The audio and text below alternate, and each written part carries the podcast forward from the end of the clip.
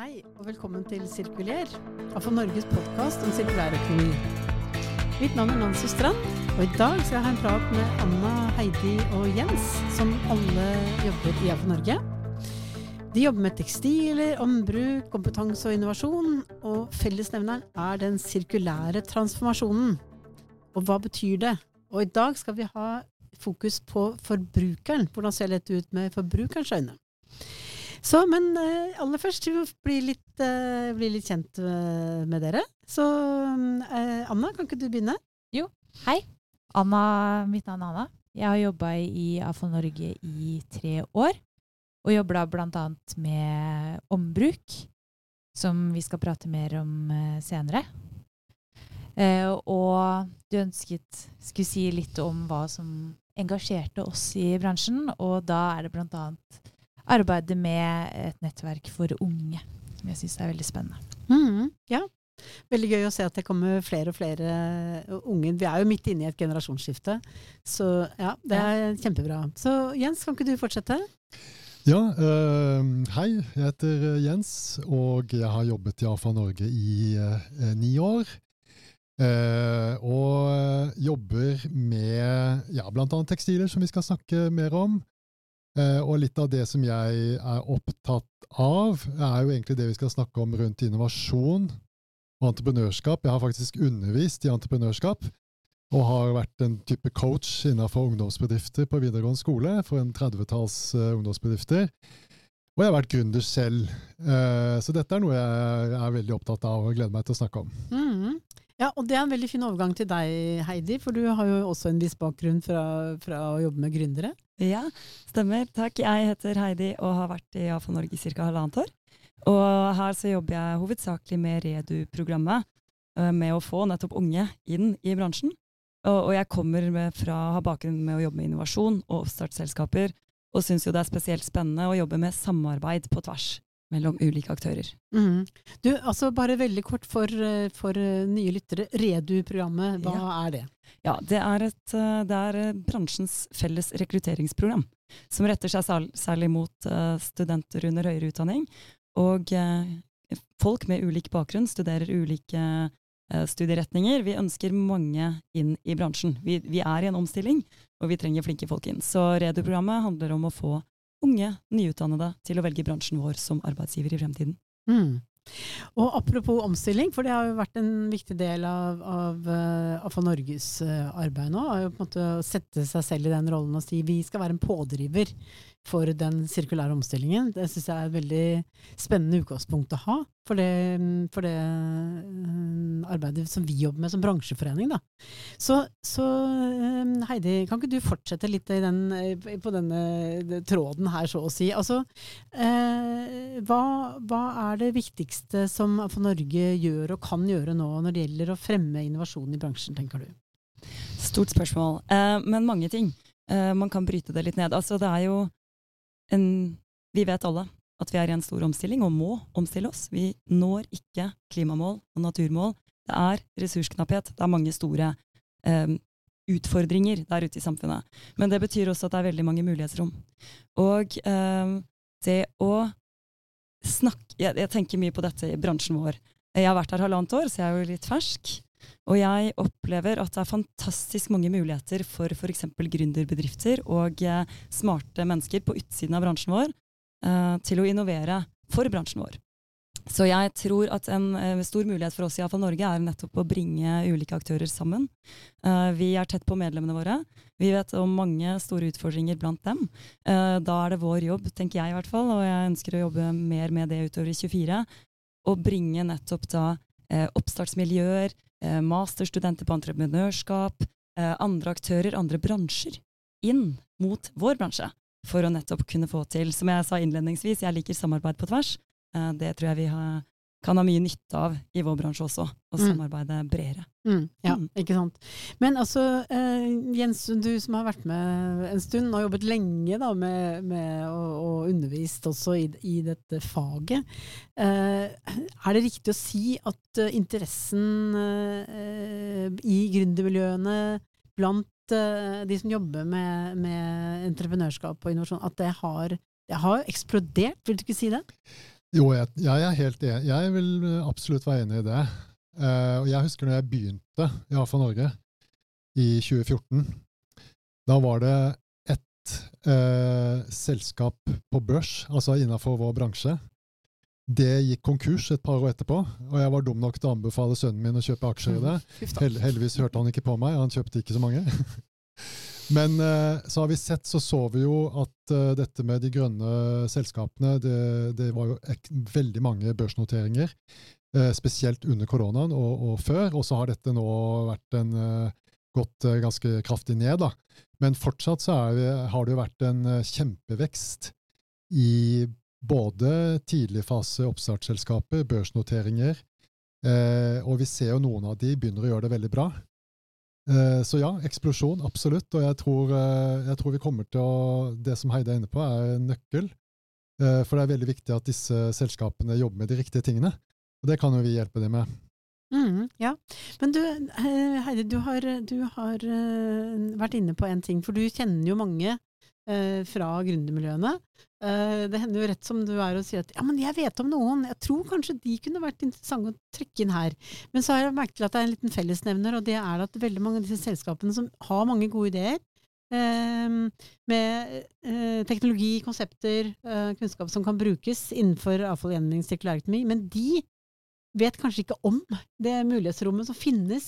Er det riktig, ja. er det riktig sagt? Ja, jeg syns det er veldig riktig observert. Og jeg, jeg tenker at um, der jeg jobbet tidligere, så var det ikke med denne bransjen. Uh, det handlet om andre bransjer, og de var ganske flinke, en del andre bransjer. Jeg vil trekke frem typen finans, uh, forsikring, bygg og anlegg. Flinke til å egentlig stå og fortelle på scener her og der om sine utfordringer.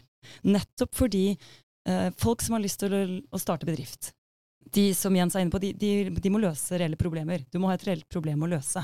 Hvis ikke blir det ikke noe forretning, det blir ikke noe business. Så um, vi, hvorfor er ikke vi mer synlige på disse scenene med de utfordringene vi har i vår bransje? Jeg tror vi ofte tenker at vi må løse det selv. Og det som skjer, er jo at, som skjer med alle bransjer, egentlig, at drift og kjernevirksomhet går på akkord med kanskje uh, utvikling og innovasjon. Um, så hvorfor ikke utfordre andre til å løse problemet for oss? Så det, der syns jeg vi skal ta en posisjon i 2024 som bransje og være tydeligere ute blant disse miljøene. Oppstartsmiljøer, studentmiljøer, Hvorfor kan de ikke løse våre problemer? Mm, mm. Men, men, eh, Anna, du nevnte innledningsvis her at, uh, at du er uh, veldig aktiv i et eget nettverk for unge i bransjen. Så ja. hvordan, eh, hvordan, opplever du at liksom, si, stemningen og holdningen nettopp det i forhold til å være å komme inn med ny kunnskap, og, og hvilken, eh, hvilken, rolle kan de spille da, i forhold til nettopp den nytenkningen og det, det behovet vi har? Ja. Det jeg opplever på de møteplassene vi har for unge i bransjen, er at uh, man diskuterer nettopp disse problemene litt mer åpent. Uh, det er jo alle Ja, de som er med i nettverket, kommer fra mange ulike deler av fastbransjen. Og det blir veldig sånn Man er ikke redd for å, å tråkke på noen, eller man er ikke redd for å stille litt sånn dumme spørsmål, så det blir veldig gode diskusjoner på de uformelle plass, eh, møteplassene da, hos de unge. Mm. Så jeg tror det er en veldig ja, en fin arena, da. Mm, ja, ikke sant. Mm. Altså, vi hadde en, en workshop her uh, for uh, ikke så lenge siden om digitalisering, og da var det en som var ganske ny i bransjen. Han sa ja, altså, jeg har ikke noe løsning, men jeg har en veldig god beskrivelse av problemet. Ja. Så det ble liksom, for meg så ble det nesten litt en sånn motto. At uh, det er kanskje noe med Jeg har tenkt litt på Er det sånn at vi er så vant til å levere løsninger til andre. Eh, at vi er ikke like gode på å formulere våre egne problemer. En, eh, kan det være en riktig observasjon? Ja, det tror jeg absolutt. Det er litt, kanskje med, ikke Ja, nei, ja men sånn også med Eller sånn når man kommuniserer med folk som ikke har noe innblikk i bransjen fra før, sånn som f.eks. studenter, så merker man at det trigger dem veldig mye mer hvis man prater om de utfordringene vi skal løse, og hvilke utfordringer vi har, enn å prate om hva er det vi gjør, hva er det vi har fått til, eller hva er det Ja, sånn vi behandler så mange tonn. Det er ikke så interessant, men det her er det, vi, det problemet vi skal løse. Det er veldig mye mer interessant, da. Så ja. Mm, ja, Jens? Ja, ja. Og så er vi kanskje ikke så flinke til å, som, som Heide var inne på, og invitere andre til å, til å løse problemene våre. da. Vi, vi, tror kanskje vi skal løse de selv, eller vi skal etablere et prosjekt eh, sammen med medlemmene våre. Og så ligger kanskje løsningene nettopp i at det er noen gründere der ute som har masse energi, eh, kanskje noen gode ideer, men kanskje ikke helt tuna på det som er de reelle problemene i bransjen. Eller de regelverksendringene som kommer. Eh, de må vi jo få inn. Mm, ja. Og eh, Da har jeg lyst til å også, også mm, gå litt videre og, og, snakke litt mer om det med ombruk. fordi det er kanskje et av de områdene hvor det, hvor det er eh, et stort behov for uh, innovasjon, egentlig. Eh, så, så um, Anna, du jobber med dette. Så hva er, som, hva er det viktigste som skjer akkurat nå, sånn som du ser det? Ja, det ja, det viktigste syns jeg er litt eh, Jeg kan jo si litt hva, hva vi gjør, da. Ja, ja begynn med det. Sånn, eh, vi har jo et ombruksnettverk eh, hvor tanken er å dele erfaringer på tvers. Fordi det er det samme som Heidi snakket om. Det der med samarbeid er kjempeviktig. fordi er, for bransjen er det en ganske ny ting at man skal tilrettelegge og drive med ombruk. Um, så det er et veldig behov for erfaringsutvekslinger. Um, og så i tillegg så er det det her med uh, Ja, det her at det er en ny rolle. Så hvordan man skal Nei. Altså Hvordan skal man fylle den rollen? Ja. Altså, det er liksom noe med hva er det, hva er det innbyggerne, uh, og næringslivet for den saks skyld, altså, men uh, hvis vi ser på det fra et innbyggerperspektiv, da, hva er det innbyggerne forventer hva er liksom ditt inntrykk når du snakker med, med selskaper rundt omkring i Norge? Ja. Uh, hva, hva, er det innbyggerne forventer at de skal gjøre? det, det, skal gjøre? jo være enkelt å velge ombruk. Um, og nå uh, så er det ofte enklere å kjøpe nytt. Så det er litt Det er tilgjengelighet, det er kommunikasjon. vi har bl.a. startet opp et prosjekt i samarbeid med Viken rundt noe som heter sirkulært kart. Ja, hva er det? Hvor, uh, det er et um, Hvor vi tar utgangspunkt i Google Maps og har ved hjelp av uh, de ulike klimakoordinatorene i kommunene i Viken fylkeskommune um, til å kartlegge alle uh, ombruksselskaper, eller alle selskaper som tilbyr noe sirkulært. Som f.eks. Eh, salg av brukte ting eller reparasjon. Øh, eller øh, kunnskapsdeling, sånn kurs som kan være aktuelle. Mm. Ja. Ja. Så har vi samlet alle disse aktørene i et kartlag på Google Maps, sånn at det skal være enkelt tilgjengelig for alle innbyggere. Mm. Ja. vi, ja. vi opplever det at Eller man har jo lyst til å være miljøvennlig, men man vet ikke helt hvordan. Det må være lett. Ja, ja. nei, og det, det å faktisk finne den lett en sånn oversikt hvor går jeg, da. Ja. Med, så jeg har ødelagte sko eller vaskemaskin eller hva det måtte være. Ja. Um, men um, um, Jens, jeg tenkte litt på, på med din, din, erfaring. For jeg tenker noe av utfordringen her når det gjelder ombruk, er vel egentlig dette her med forretningsmodeller og å gjøre dette her på en attraktiv måte, men som også det skal jo drives over tid, da, dette her. Det er, jo, det er vel flere eksempler på skomakere for eksempel, som har måttet legge ned en en nye aktører som har kommet opp, eller hvordan uh, Ja, og det er jo Det skal jo helst være uh, lønnsomt uh, for alle parter, da. Og vi har jo et høyt lønnsnivå i Norge. Og så jobber vi også næringspolitisk med det, altså moms på reparasjon osv. Men det kommer jo ikke til å monne veldig mye om, om, du fjerner den momsen. Det må jo mer til, da. Og, eh, og, da er det, som du er inne på, forretningsmodeller. Det kommer jo en del ting innafor uh, uh, ombruk av uh, f.eks. Uh, reparasjonstjenester for sportsklær. Eller brands da, som har, etablerer ombruksløsninger i fellesskap. fordi man ser, hvis du har et, et, et type high-end brand da, eller et relativt dyrt produkt, så så forventer jo kundene i dag at det, at det tilbys en reparasjonstjeneste uh, i dag. Men for liksom hverdagsreparasjon, uh, hvordan gjør man dette uh, lønnsomt? og da kommer vi jo ikke utenom å, å, diskutere det at det er så billig å kjøpe nytt, Og det er, det, altså tekstiler er et område der det er null regulering.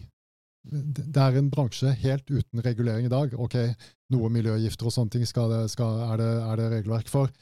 Men, men det, er, eh, det, er, ingen avgifter som på en måte påvirker uh, produksjon og, og, forbruk.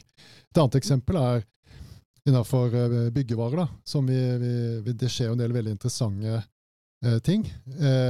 veldig tidlig fase. Du har dette ombruksteltet på Økeren, ombrukssentralen for, for byggevarer. Mm. Men jeg tenker ofte på for Man snakker om at ikke vi har plass. Vi trenger plass, vi trenger areal for å, for å, skape disse plassene hvor du kan lagre materialer. Da. Men hvis man snur litt på det, så uh, har vi ikke veldig mye plass. Vi har jo noen, uh, vi har jo noen parkeringshus i, denne, i Oslo, f.eks., som uh, det, kanskje ikke er fulle. Vi har kanskje noen parkeringskjellere. vi har kanskje noen lagringsrom. altså Hvis man tenker veldig desentralt på det, så er jo spørsmålet om hvordan disponerer vi det arealet vi har, i stedet for å tenke at ikke vi har areal, for det har vi jo. Så ja. her må det litt nytenkning eh, til på, på, på flere plan. Men uh, Heidi, her er det jo også ganske mange gründere som, uh, som jobber. Uh, Absolutt. Jeg, ja. noen, har du noen eksempler? ja, altså å, Det blir sånn name-dropping, og jeg er litt sånn ja, Vi, vi kan finnes... kanskje snakke om hva, hvordan de jobber, mer enn fordi ja. ingen nevnt, ingen glemt, sånn sett. Men, ja, det, det finnes, og innenfor bygg så syns jeg det er interessant, for det er ganske mange som har sett at der er det muligheter. Jeg tror Eh, eh, det med å ta eh, byggevarer, om det være seg murstein eller betong eller tre, og kunne få det tilbake og bli brukt igjen før det havner før det blir avfall, før det havner egentlig i vår bransje. Der er det ganske mange som holder på. Noen har kommet lenger enn andre, men det er helt åpenbart. Og litt som jeg var inne på i stad, bygg- og anleggsbransjen er flinkere enn oss, tror jeg, som bransje, til å være ute blant gründermiljøene. Så vi ser, jeg ser mange som popper opp uh, gründerbedrifter i Norges land som ønsker nettopp å jobbe med bygg og anleggs- og byggevarer og ombruk av byggevarer. Som er stort, komplekst. Det, det, være, det er jo mange ting som skal til. Du må validere det som skal bygge nye ting for å kunne f.eks. ta en brukt murstein og kunne bygge noe nytt med den. Så er det jo tredjeparts eh, validering som må til også. Men dette begynner å skje. Uh, så det er fryktelig spennende, syns jeg. Og så hadde jeg bare lyst til å nevne noe på ombruk, fordi apropos Redu, så ser jo vi at det er ganske mange i vår bransje av interkommunale og kommunale selskaper og de som tar imot. At har, det har vært flere prosjekter i Norge på, um, med Redu-interns, med studenter om sommeren, som har samarbeidet litt på tvers om å bruke samme type metodikk for å kartlegge ombruksmulighetene i, eh, på det de får inn på gjenvinningsanlegg. Som jo er veldig spennende. Eh, da, da ser man at det er, veldig, det er, det er stor betalingsvillighet, og litt som Anna er inne på, det handler om enkelthet og tilgjengelighet, og at det er tydelig, og at kommunikasjonen er tydelig. Mm, ja. Og så er det vel et, eller annet med å gjøre det uh, skalerbart. Altså, uh, vi har jo hatt eksempler på kommuner også som har gjort ting i egen drift. Uh, det tenker jeg er et eksempel til etterfølgelse, å se liksom, hvordan kan man kartlegge alt som fins i, i, virksomheten. og det er jo ikke bare kommuner som kan gjøre det, men å se på ja, Uh, hvordan kan vi flytte f.eks. kontormøbler som er til overs ett sted, over til et annet osv. Uh, men det er vel også noe med uh, Anna, vi, vi har jo begge to jobbet med, innenfor forsknings- og innovasjonsnettverket vårt, Avfallsforsk. Mm. Og, og, der har vi fredagswebinarer. en time hver fredag morgen. Anbefales til alle. halv ni til halv ti. Da var det en liten reklame for det. men noe av det som jeg syns har vært veldig gøy, har jo vært å fått presentert disse ideene, disse ressursplattformene Altså, ja. hvordan man, eh, da, da, er vi liksom i skjæringspunktet mellom ombruk og, og materialgjenvinning. Altså, det er liksom et eller annet med at den som har noe, uh, får, får rask tilgang på Ja, og det å se på eksisterende bygg f.eks. som en uh, materialbank, det, det, er kjempespennende. Sånn bare hvis man kartle, får kartlagt ting, så gjør det, jo alt, gjør det jo ting mer tilgjengelig med en gang. Så det er veldig spennende med data og digitalisering og i, i ombruk også, og materialanvending. Man får, mm. ja. ja.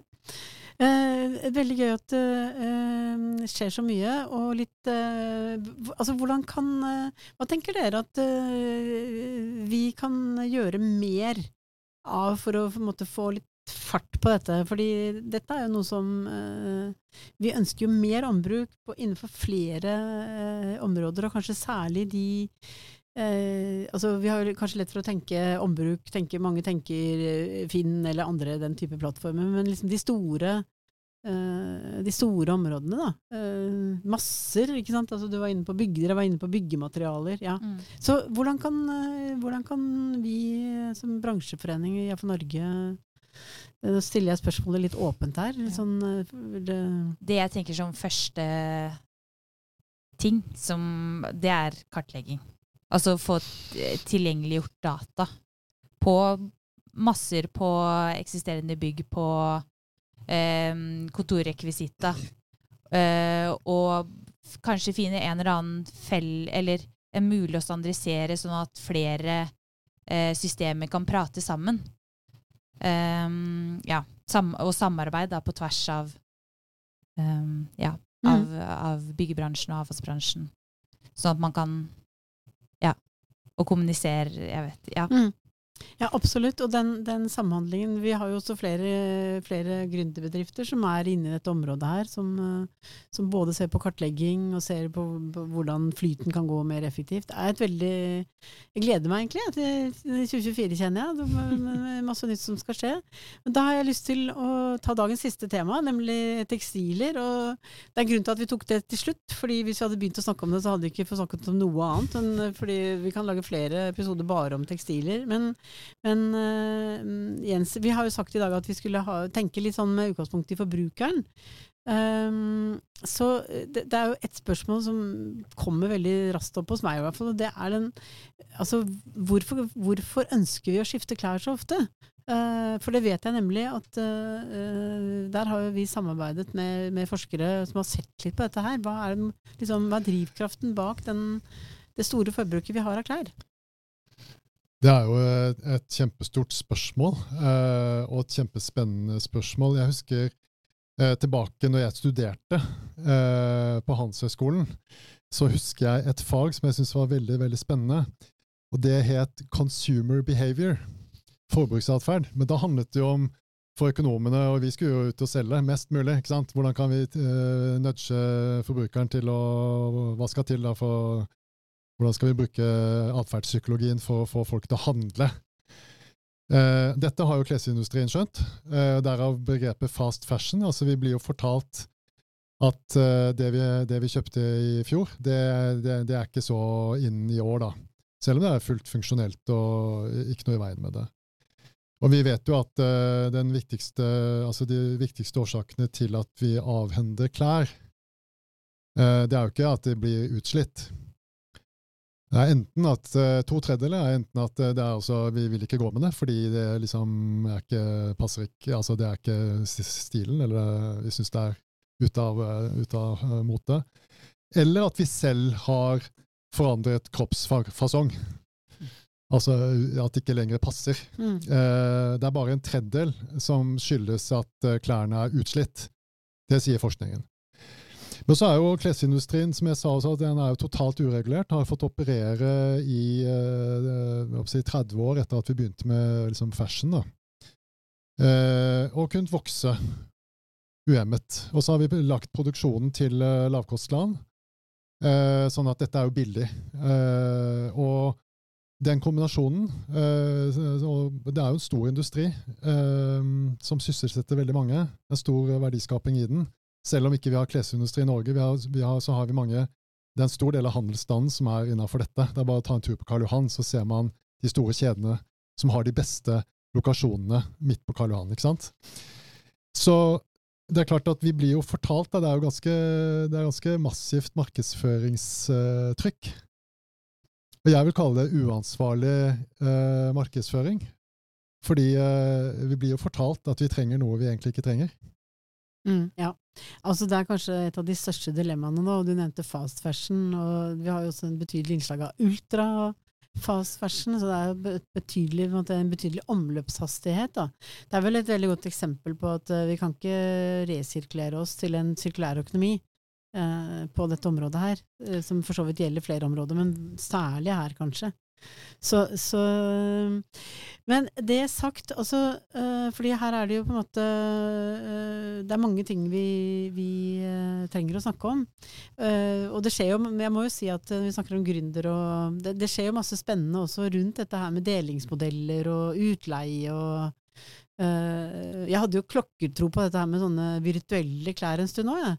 Tenkte at det kunne være liksom svaret på, sånne, på, det der at du har lyst til å skifte ofte. Og, og, men det har ikke tatt helt av, egentlig. Sånn, altså, hvor, hva er det som skal til, tror du, for at uh, liksom helt nye måte, måter å tenke hva er det vi har av klær, uh, og, for at det skal på en måte funke? da? Uh, det, det, er jo det, er, først, det, må jo endres noen forretningsmodeller her. for det er klart at det er jo alltid, et, eh, det er alltid de som vil gjøre ting annerledes, og som uttrykker seg. Jo, vi uttrykker jo vår personlighet, og det er jo mye kultur i dette med klær. Eh, og det vil alltid være der. Og så har det vært morsomt om det fikk, uh, fikk, ut, uh, fikk utspring på litt andre måter da, mm. enn et fysisk forbruk. Ja, ja. Men, men, det vil nok alltid være der. Så, men altså at, at disse kjedene Man kunne se at de brukte lokalene sine til Det kunne vært reparasjonskafeer, de står kanskje tomme på kvelden. Eh, kjøpesentre som trenger å dra kunder. Kunne, de skapt eh, Vi prøvde å invitere en del kjøpesentre med nå på, på eh, ombruksuka. Eh, på aktiviteter der, å, hvis du kan eh, aktivere kundene med å invitere på på reparasjonskafeer, eller kan være på eldresentre, så kan bestemor eh, fortelle hvordan du stopper ullsokker. Altså en masse muligheter, da. Uh, så, jeg, så, jeg, har ikke noe sånn fasit på det, egentlig. Men uh, jeg, jeg, tror det er, det er, krevende så lenge det, vi har en, en uh, klesindustri i fri dressur, og som pøser på med veldig mye markedsføring til, til, til de store massene. Mm, mm. Men jeg får jo veldig sånn, eh, for som du sier, ombruksuka, den, eh, nå spiller vi dette her før ombruksuka. Noen hører dette, for det er jo nå i i ja, siste halvdel av, av, november. Siste uka. Eh, så, så det, det, er i disse dager. Så jeg ser jo at det er veldig mange tiltak som også har mye liksom, med det sosiale å gjøre. Altså det at man møtes, eh, at man gjør ting, at det er et sosialt fellesskap eh, rundt det, som i hvert fall interesserer meg litt. Man sier jo at ensomhet er kanskje framtidas største samfunnsproblem. Eh, så det er jo det, det er et veldig sånn fint perspektiv her. Men la oss se dette litt fra avfallssiden også. Fordi vi har jo, eh, vi har jo muligheter for å levere da, tøy til, eh, til ombruk gjennom ulike typer klescontainere, og de står jo rundt omkring overalt. Og, og, det er jo ikke så uvanlig. Man rydder opp, og så kommer man med posene sine dit. Men, men dette her er i ferd med å endre seg. Og noen er godt kjent med det, og noen kanskje ikke. Altså at, uh, nå kommer det krav fra EU, og, og hvordan blir dette her? Hvordan blir, hvordan blir seende ut etter hvert, tror du? Eh, vi får eh, et nytt regelverk fra 1.1.25, sannsynligvis. Eh, som går på at eh, kommuner og virksomheter må utsortere tekstilavfall. Så vil det være opp til både kommuner og næring da, hvordan dette skal løses. Og det kan løses uh, gjennom henteordninger, det kan løses gjennom bringeordninger. Uh, og det kan løses i samarbeid med de eksisterende innsamlerne som vi har i dag. Uh, Fretex Men så er jo spørsmålet det betyr at får eh, at kommunen får en rolle, og næring får en rolle. I dag har jo dette vært overlatt til de frivillige organisasjonene. Og Da kanskje, da vil jo kommunen måtte etablere løsninger, de, de må finne samarbeidspartnere. De må stille krav, kanskje. Eh, de kan ikke bare eh, sende ting ut av landet uten å vite hva som skjer med det. Så jeg tror vi vil få uh, vi vil få mer fokus på det, vi vil få opp bedre løsninger. Eh, men det, det, blir, det, er fortsatt krevende, fordi volumene er så enorme. Mm. Og vi har, altså det er 97% av det vi samler inn i Norge i dag, blir jo sendt til utlandet. Eh, og da skal vi samle inn enda mer. Ja. For det er enda mer som går i restavfallet enn det som samles inn i dag. Mm, ikke sant. Så, men eh, Anna, når, når, dere møter i Ung hjemmebyggingsbransjen Nettverket, er dette temaet som er på dagsordenen? Egentlig ikke. Det har vært veldig Det er mer snakk om um, Altså, det har vært mer snakk om uh, teknologi for materialgjenvinning og ehm, Ja, og mye om ehm, plast er et, et favorittema. Som, ikke sant? Et tema som går igjen. Ja. Ikke, ikke så mye tekstil, egentlig. Tekstil er plass plast, det òg, vet du. Ja, Ja, det, jo, det er sant. Nemlig, ikke sant? Ja, altså jeg, jeg får sånne bilder fra den ikoniske filmen 'Devil Wears Prada'. Det er liksom på en måte forholdet til altså, hvordan moteindustrien har jo definert oss. Eh, så dette her er jo det, det, er det er ikke gjort i en håndvending. Eh, Nå titter jeg over på deg, Heidi, fordi jeg tenker litt eh, liksom, hvordan, Hvilken rolle tenker du at kanskje gründere For vi har sett en god del gründere på, innenfor tekstilet, men liksom, hvilken rolle tenker du at de kan spille hvis vi trenger, Her trenger vi et sirkulært skifte av ganske betydelig art. Mm. Ja, det gjør vi. Og her er det jo mange muligheter. I og med at det er såpass store utfordringer, og vi har ikke teknologien per i dag. Det testes jo ut ulike typer teknologi for å faktisk ta fra hverandre tekstiler og kunne bruke dem på nytt. Men det er jo fryktelig sammensatt, fordi klær er sammensatt. Men uh, det finnes jo uh, selskaper som f.eks. jobber med abonnementsordninger. Og, og så kan det godt være at uh, man har ikke kommet helt i mål med det, og kanskje ikke man løser helt det problemet man satte ut for å løse. Men uansett, og ikke bare i tekstil, men på andre ting også, ting som vi, vi er vant til, og det er lineært, vi er vant til å kjøpe noe, og så kasserer vi det når vi er ferdig med det, eller når vi ikke skal ha det, vi har det lenger. Um, og jeg har veldig tro på at det å jobbe med leie- eller abonnementsordninger, ved at du leier noe, det være seg klær eller møbler, gjør at de som produserer det må tenke på en helt annen måte. For da må de tenke at det skal vare.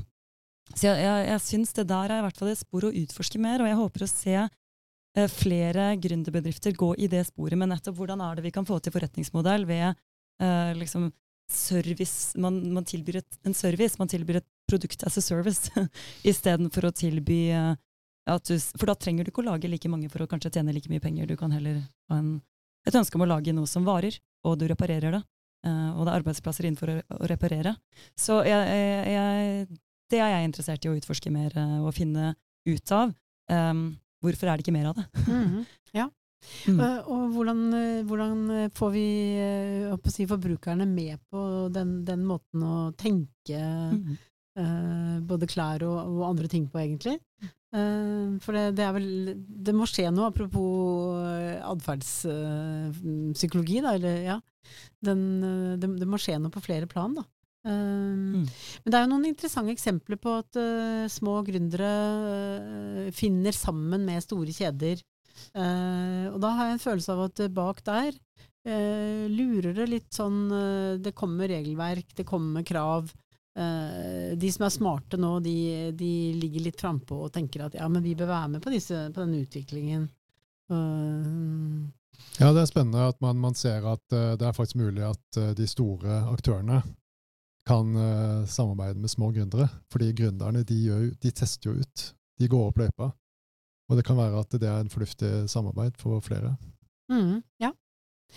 Eh, så, sånn eh, avslutningsvis, eh, da ender vi på en litt positiv, positiv note her. Fordi jeg kjente at den, som du sier, Jens, omfanget og det, de, den tematikken da, som vi jobber med i forhold til tekstiler, føles litt overveldende. Det er store ting som skal, som skal endres. Så, så Anna, sånn liksom helt til slutt. hva, litt tilbake til det sirkulære kartet. Hva, hva, for det er jo egentlig et veldig flott eh, prosjekt, da. Ja. Eh, med utgangspunkt i én fylkeskommune. Så hva er liksom ambisjonen der? Jo, ambisjonen er jo at det skal bli et nasjonalt kart. Sånn at uh, uansett hvor du er i Norge, så skal du kunne lett finne frem til reparatørene og, og bruktutsalgene og Mhm, ja. Så Hvis noen hører på som er interessert, så må du jo ta kontakt. Ja, veldig gjerne. ja, da må du ta kontakt med oss. Og, det, det, og da, eh, da tror jeg kanskje vi, vi ender der. Eh, ta kontakt, dere som er ute og tester ut nye ting. Eh, ta kontakt hvis du har noe som du eh, er nysgjerrig på, og eh, ta kontakt hvis du tenker at her har jeg et problem, og det trenger jeg at noen flere er med på og vil løse. Dere, tusen takk for en uh, veldig fin samtale. Uh, Anna, Jens og Heidi, Og takk til vår produsent, som er uh, Håkon. I dag er vi på fornavn, så og da tusen takk til alle som har hørt på, og vi høres igjen snart. Ha det bra! Ha det bra. Ha det bra.